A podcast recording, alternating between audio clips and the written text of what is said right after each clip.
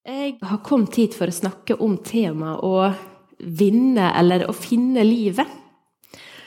Og, så det blir litt av det, og så blir det òg Kommer det til å handle litt om eh, kall, det å ha flytta nordover, og hva det har eh, gjort med min relasjon til Gud, og hva det har betydd for meg. Og kanskje kan det inspirere dere òg til å tenke at hm, hva kan jeg gjøre i livet? For å føle at jeg vinner livet. Så det er, bare, det er på en måte bare min historie. Men Gud har jo en ulik vei for alle. Så jeg er ikke her for å fortelle dere at hvis ikke du flytter til Nord-Norge, så er du ikke ordentlig kristen. Eh, det er ikke det som er poenget. Poenget er at eh, Gud har en plan for oss alle. Den ser ulik ut for alle. Eh, men det er veldig spennende. Det å reise nordover, det var bare helt uaktuelt. Jeg visste liksom ikke engang eh, hvor det var. Jeg hadde litt sett det på værkartet, eh, men, eh, men utenom det jeg skjønte ikke hvorfor folk ville velge å flytte til Bodø eller Tromsø for å studere, eller flytte for å jobbe. Det var, bare, det var ikke et alternativ engang. Altså det, det, var helt, helt totalt uaktuelt. Og for å sette det litt på spissen, eller for å være litt ærlig, så var det litt sånn Nei, jeg er nå litt for god for det, egentlig. Altså det var liksom jeg skal nå studere i Oslo og Bergen. Altså, jeg har ikke tenkt å nøye meg med noe mindre enn det. Ehm, så jeg tok jo den der sedvanlige veien da, for ei NLM-jente. Jeg vil eh, påstå jeg har en, har en god NLM-CV. Jeg vokste opp som rektordatter på Sygna. Eh, gikk på Sygna, gikk på bibelskole på Fjellhaug, fikk meg en NLM-kjæreste fra Rogaland. Ehm, jeg reiste rundt og talte på leirer på fritida. Ehm, og jeg tenkte liksom, kan en bli mer kristen enn meg? Jeg var jo den liksom ultimate kristen. Men så var det liksom Det var likevel noe som ikke føltes riktig. Um, Sjøl om jeg gjorde på en måte alt rett, så hadde jeg en sånn der, um, halvgnagende følelse av at ja, men det må jo være noe mer enn det her.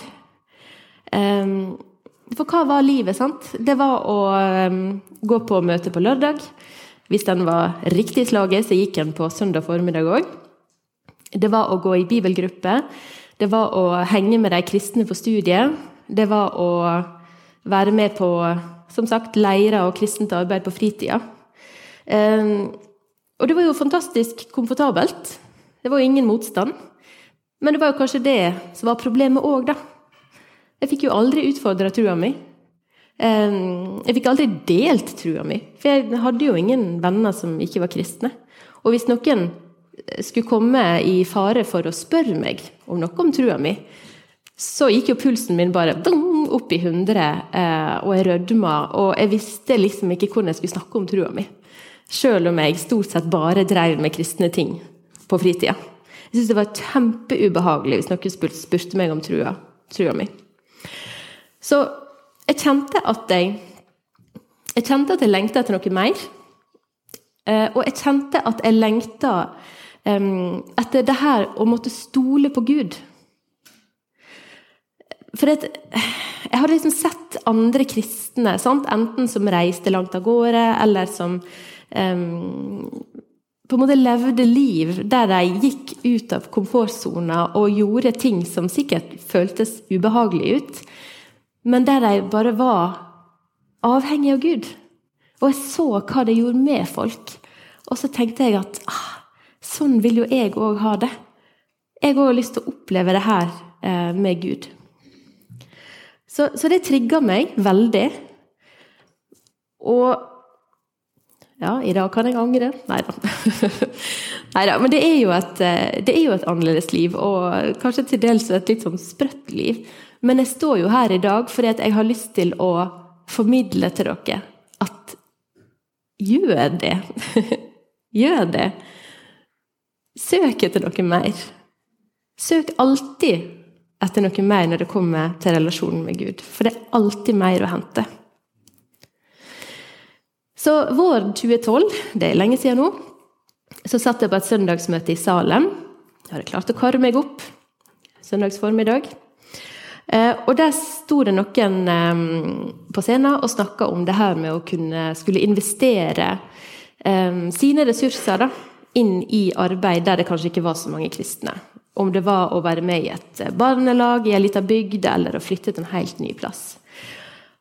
Og da, der og da så fikk jeg en, ja, en slags kallsopplevelse da, til å egentlig bare pakke sakene og flytte. Og det fikk jeg òg mulighet til, fordi at vi skulle velge turnusplass. Eh, siste året, eller fjerde året på fysioterapi er at du jobber en eller annen plass eh, i Norge, da. Og jeg hadde eh, Jeg var fast bestemt. Jeg skulle ha Bergen eller Stavanger, eller liksom i verste fall Haugesund. Men det var det jeg hadde bestemt meg for. Men så visste jeg at det var én turnusplass i Bodø. Og så tenkte jeg at når jeg først skal flytte, så kan jeg nå like gjerne bare slå til. Når jeg uansett skal flytte vekk eh, til ukjente plasser, så hvorfor ikke bare gå for Bodø, liksom. Og det var jo en plass som jeg bare hadde sett på værkartet. Jeg visste absolutt ingenting om Bodø. Jeg visste Nei, faktisk ingenting. Men jeg fløy opp eh, august seinere det året eh, med en egentlig veldig positiv innstilling. For det var ikke sånn at jeg var sånn Å nei, Gud, hvorfor har du kalt meg til Bodø? Det var mer sånn Ja, kanskje vi skal gjøre det her? Det kan bli spennende. Eh, og det tror jeg er viktig liksom, med kall òg. At det er ikke sånn at jo mindre du har lyst til noe, jo mer riktig er det. Eh, fordi at jeg tror at kall skal være det skal ligge en, en, forventning i det. En positiv forventning.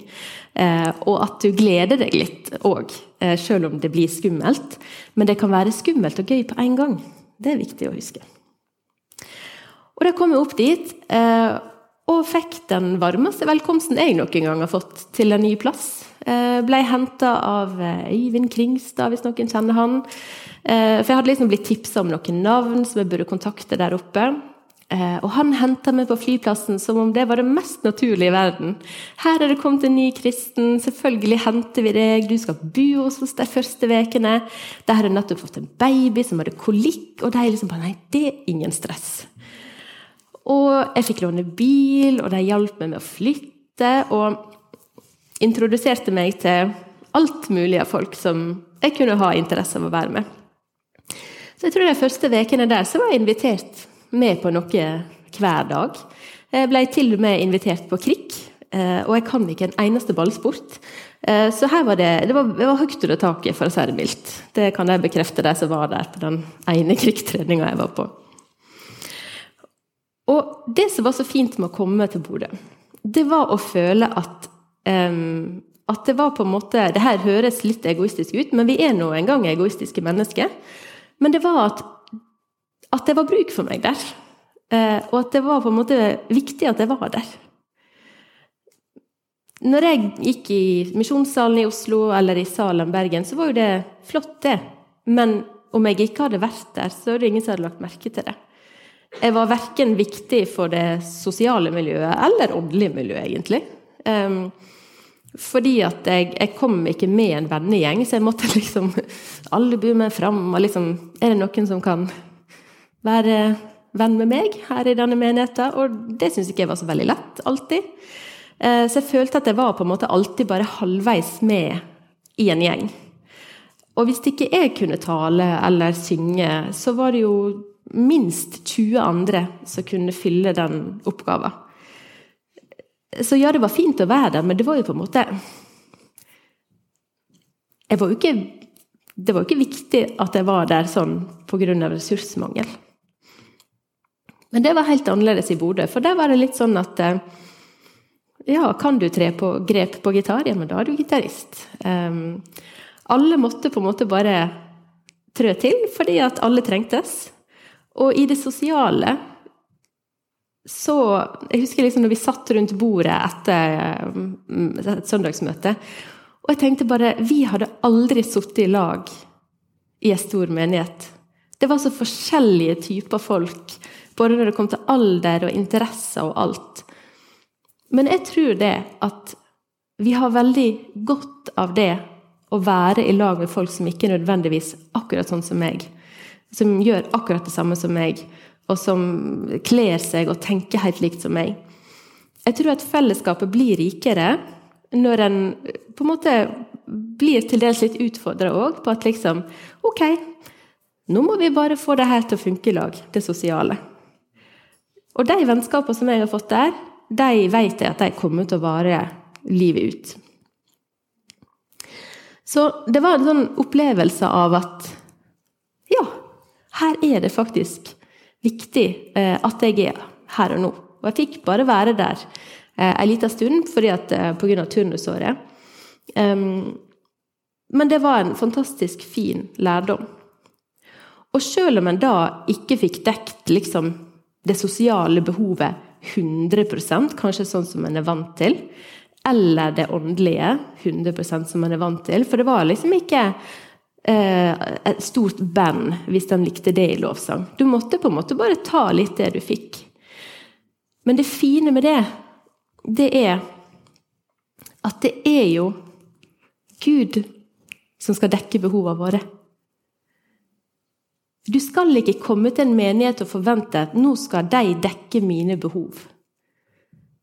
Vi kommer til gudstjeneste for å tjene hverandre og Gud. Og vi lever i en alder nå der vi har all mulighet til å dekke alle behov vi har for f.eks. kristenundervisning. Du kan høre på akkurat den og den, den podkasten som kan snakke akkurat på den måten du liker. Du kan høre på akkurat den og den lovsangen som du liker.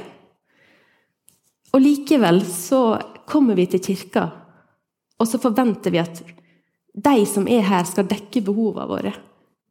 Og det er egentlig veldig rart. For det er Gud som skal dekke behovene våre. Den, og det gjelder alle arenaer av livet, liksom. Hvis en merker at den mangler noe, ja, men søk Gud i det. Gi det til Gud. Ikke forvent at alle andre rundt deg skal møte deg alltid på det du trenger til enhver tid. For den som til sjuende og sist kan mette sjela vår, det er faktisk Gud. Så jeg mener det at hvis vi går i en hverdag der alle behovene våre er dekket til enhver tid, og du aldri kjenner deg utfordra på noe som helst, da kan det være behov for en forandring.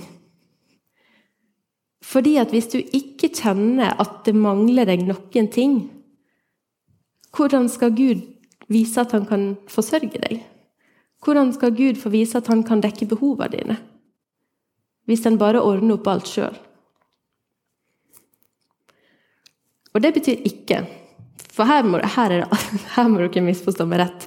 Det betyr ikke at vi skal oppsøke vanskelige ting for å ha det vanskelig, bare for å ha det vanskelig. Det er ikke poenget her.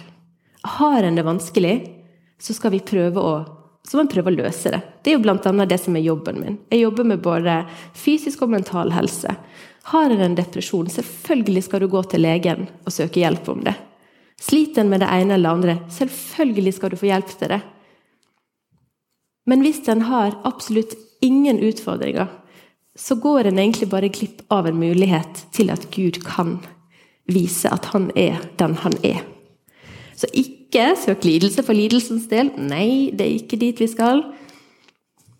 Men vær nysgjerrig på hva Gud har å vise for deg i livet ditt. Det er det som er poenget mitt. Og Bibelen sier følgende i Matteus 10 37 til 39. Den som har far eller mor kjærere enn meg, er ikke verdt meg. Den som har sønn eller datter kjærere enn meg, er ikke verdt meg. Og den som ikke tar krossen sin og følger meg, er ikke verdt meg. Den som vinner livet sitt, skal miste det. Men den som mister livet sitt for min skyld skal vinne det. Eller i en annen oversettelse Den som finner livet sitt, skal miste det. Men den som mister livet sitt for min skyld, skal finne det. Og i Matteus 16, 24-28 eh, Der står det Samme gangen sa Jesus til læresveinene vil noen følge etter meg? Eller som det står der, vil noen være i lag med meg? Må han si nei til seg sjøl og ta opp korset sitt og følge meg. For den som vil berge livet sitt, skal miste det. Men den som mister livet sitt for min skyld, han skal finne det. Hva gagner det et menneske om det vinner hele verden, men taper sjela si? Eller hva kan et menneske gi til vederlag for si sjel? For menneskesonen skal komme i herligdommen åt far sin med englene sine, og da skal han gi hver og en like for det han har gjort. Ja. Det er harde vers. Det er store vers. Eh, spesielt, spesielt for oss som har unger. Um, 37, ja. Den som har far eller mor kjærere enn meg, er ikke verdt meg. Den som har sønn eller datter kjærere enn meg, er ikke verdt meg. Det er forferdelig sterke ord for en mor å si. Men det er det som står her. Og hva, hva betyr det her? Jo, det forteller litt om hva liv vi er kalt til som disipler, som læresveiner, som etterfølgere av Jesus. Vi er faktisk kalt til å kjenne på tap. Ikke for å tape, men for å vinne. Eller for å finne, som det står i en uh, annen oversettelse. Og, og, det her fikk jeg virkelig på hjertet at jeg skulle dele med dere her i dag. At hvis du vil berge livet, hvis du vil vinne livet, hvis du vil finne livet, da må du faktisk først miste det. Da er det faktisk først en opplevelse av tap. Og det skal jeg, komme, skal jeg snakke masse om. Ehm, men vi går litt tilbake til se stoppeklokka Der, ja. Tilbake til veien i Bodø. For når jeg var i Bodø, så eh, ble jeg da kjent med en, en som jobba i Betel Lofoten, som var en sånn pinsemenighet i Lofoten. Jeg fikk høre at en ungdomspastor derfra skulle komme og holde møte i, i Bodø. Og jeg tenkte jeg vet ikke om helt det her sømmer seg for meg å gå på et møte der det skal en pinsepastor som skal forkynne, men det gikk nå likevel. Eh, og da fikk jeg høre fantastisk forkynnelse om kvinner ved brønnen som fikk et nytt liv. Uh, og da fortalte Pål Sverre om um, hvordan han hadde sett folk i Lofoten få møte Jesus og få et nytt liv. Og så tenkte jeg yes, det er jo det her jeg er på jakt etter. Det er det her jeg vil se mer av. Så jeg inviterte meg til å komme og tale på møtet der, og et år seinere var vi gift. Så det var veldig fort gjort. så det er i Bodø det skjer, folkens. Ja. Eh, og mannen min han er opprinnelig fra Søgne, Kristiansand kommune. Så flytta han til Alta, bodde der i tre år, og så fikk han spørsmål om å komme til Lofoten og være ungdomspastor der. Eh, så han hadde òg litt samme eh, opplevelse som meg, at ja, bare på en måte pakka sakene sine og reist og funnet ut at ja, men det her er jo helt ypperlig. Og, og da hadde jeg jo da året etter flytta til Lofoten og blitt, eh, som 24-åring, da, pastorfrue i Nei, hva heter det? Jo, pastorkone i ei pinseforsamling. Så det var jo en interessant vending i livet. Eh, det var jo litt sånn furore i heimen. Jeg skulle jo gifte meg med han der skulle, vi var ikke forlova, da, men de hadde jo sikkert sett for meg at jeg skulle gifte meg med han der NLM-fyren fra Rogaland. Og det ble jo litt sånn der Uff, hva skal vi tenke om det her? Men så skjønte de at det var en bra fyr, da. Og, men for ei forsamling å bli tatt inn i i Betel Lofoten. Det er faktisk den største frimenigheten um, i Nord-Norge. Den er i Lofoten. Det er ganske interessant. Og det var liksom bare sånn derre følelse av familie, da. Å komme inn i kirka. Eh, der var alle generasjoner, og du hadde um, Ja, nei, du var liksom ikke ensom i det hele tatt. Um, Folk eh, kom på liksom spontanbesøk uten noe avtalt. Liksom du, du, kunne bare gå og spørre naboen om kaffe. Fantastisk sånn ah, Ja, det, hadde det virkelig som plommen i egget. Så når folk var sånn der Å, du har ofra alt og flytta til Lofoten nordover, liksom. Og da tenkte jeg bare Å, dere skulle bare visst. Her har jeg det bare veldig bra. Men, men så var det noen ting som var utfordrende. Um, fordi at uh, i, i, menighetssammenheng. Fordi at her var det liksom ikke at alle var uh, kristne på den måten som jeg var vant med. Um, her hadde ikke alltid liksom folk eh, ting på stell, som man kanskje ville sagt. Um, det var uvant. Altså, her var folk skilt både én og to, tre ganger. Og um, folk sleit med rus, alkohol. Det var fengsel involvert i folk liv, barnevern. En gang ble det til og med slåsskamp under kirkekaffen. Det er ikke verst å ha opplevd. Det ble heldigvis bare én gang. Men var det én ting folk ikke var, da, så var det noe lunka. Eh, det var så masse liv og ånd der. Eh, og sånt det inderlig bønneliv som Spesielt de litt eldre, da. Som ble bare et sånn fantastisk forbilde for meg. Hvordan de bare Du bare så at for dem så var det å møtes til bønn det var bare sånn stort privilegium. Et høydepunkt. Det var veldig ekte. Og i det her eh, sammensuriet av folk da, um, som elsker Jesus, så fikk vi lov til å bo i fem år. Og som sagt, det føltes virkelig ikke som et offer overhodet å flytte dit. Jeg følte jeg hadde vunnet i Lotto. Det var så godt å bo der. Og jeg fikk oppleve så mange av de tinga som jeg hadde lengta etter å få oppleve. Eh, det å se mennesker Jeg har glemt å ta av lyden. se mennesker ta imot Jesus.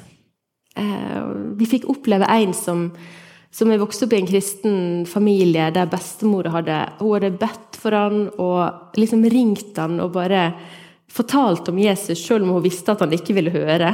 Han hadde bare satt henne på høyttaler og bare 'ja, ja, du får bare styre på med ditt', liksom. Han hadde slitt med rus i årevis, og så fikk han oppleve å bare liksom bli satt fri det på, fra det på ett sekund. Fikk et nytt liv, fikk komme i jobb igjen. Um, fikk oppleve de miraklene som Jesus faktisk kan gjøre. det. En fikk se folk som kom tilbake til kirka og begynte å være med der igjen etter kanskje konflikter som hadde vært, og sånne ting. Og en, en fikk liksom virkelig erfare at det som Bibelen sier, det er sant. Og at Guds ord er levende.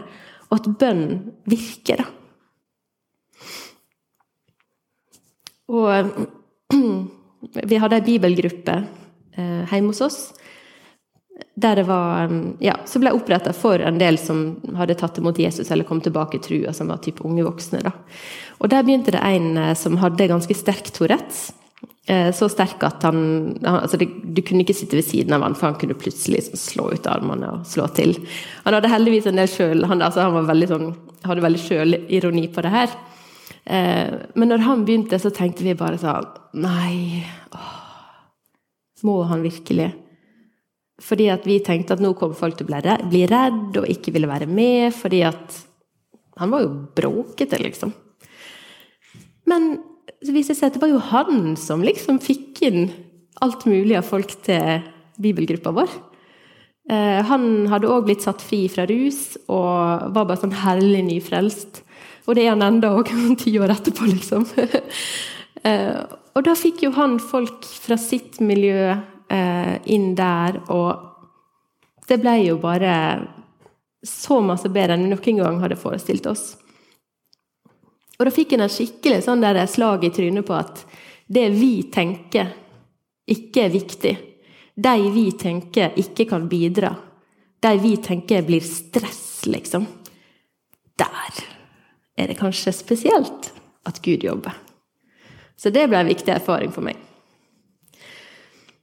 Og så tenkte en kanskje at eh, ja, men her må vi bare bli værende. For her er det jo fantastisk å være. Eh, og det kunne vi jo gjort. Men vi er jo kalt til å forvalte livet vårt. Og det vi har fått av nådegave, og det vi har fått av, av utrustning. Um, og på en måte så var han jo litt tilbake til null òg, fordi at nå var vi jo igjen i en stor menighet som klarte seg veldig fint sjøl. Det var ikke sånn at det var bruk for meg, at jeg var den eneste som kunne ditt eller eneste som kunne datt. Og der kjente vi på at, at dette forvalteransvaret kalte oss videre. Um, så da begynte vi å tenke liksom på Harstad eller Svolvær eller Narvik.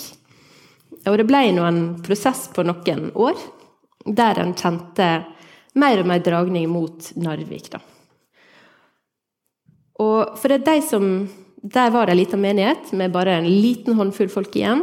Og de hadde egentlig tenkt å legge ned menigheten og selge det bygget som menigheten er i. For det som er interessant der, ehm, det er jo et gammelt bygg, men de som bygde det, var jo hadde skikkelig sånn kremmerånd.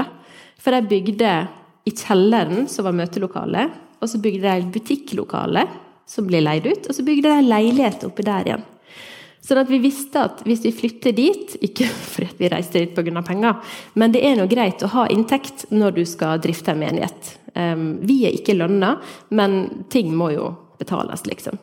Så da visste vi at her vil det være økonomisk romslig, og det er jo en god mulighet hvis en skal restarte en menighet.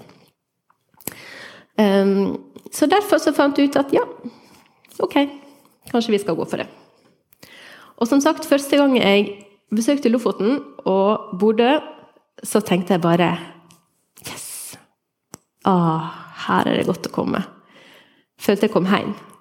Um, men det jeg kjente når jeg kjørte inn i Narvik for første gang, det husker jeg så godt, det var bare en intens følelse av frykt. Og tristhet, faktisk. Og jeg husker jeg tenkte når jeg kjørte inn der, så tenkte jeg dette Og jeg er født i Førde, så det sier sitt. Dette må være den styggeste byen i Norge. Vi tar pause der.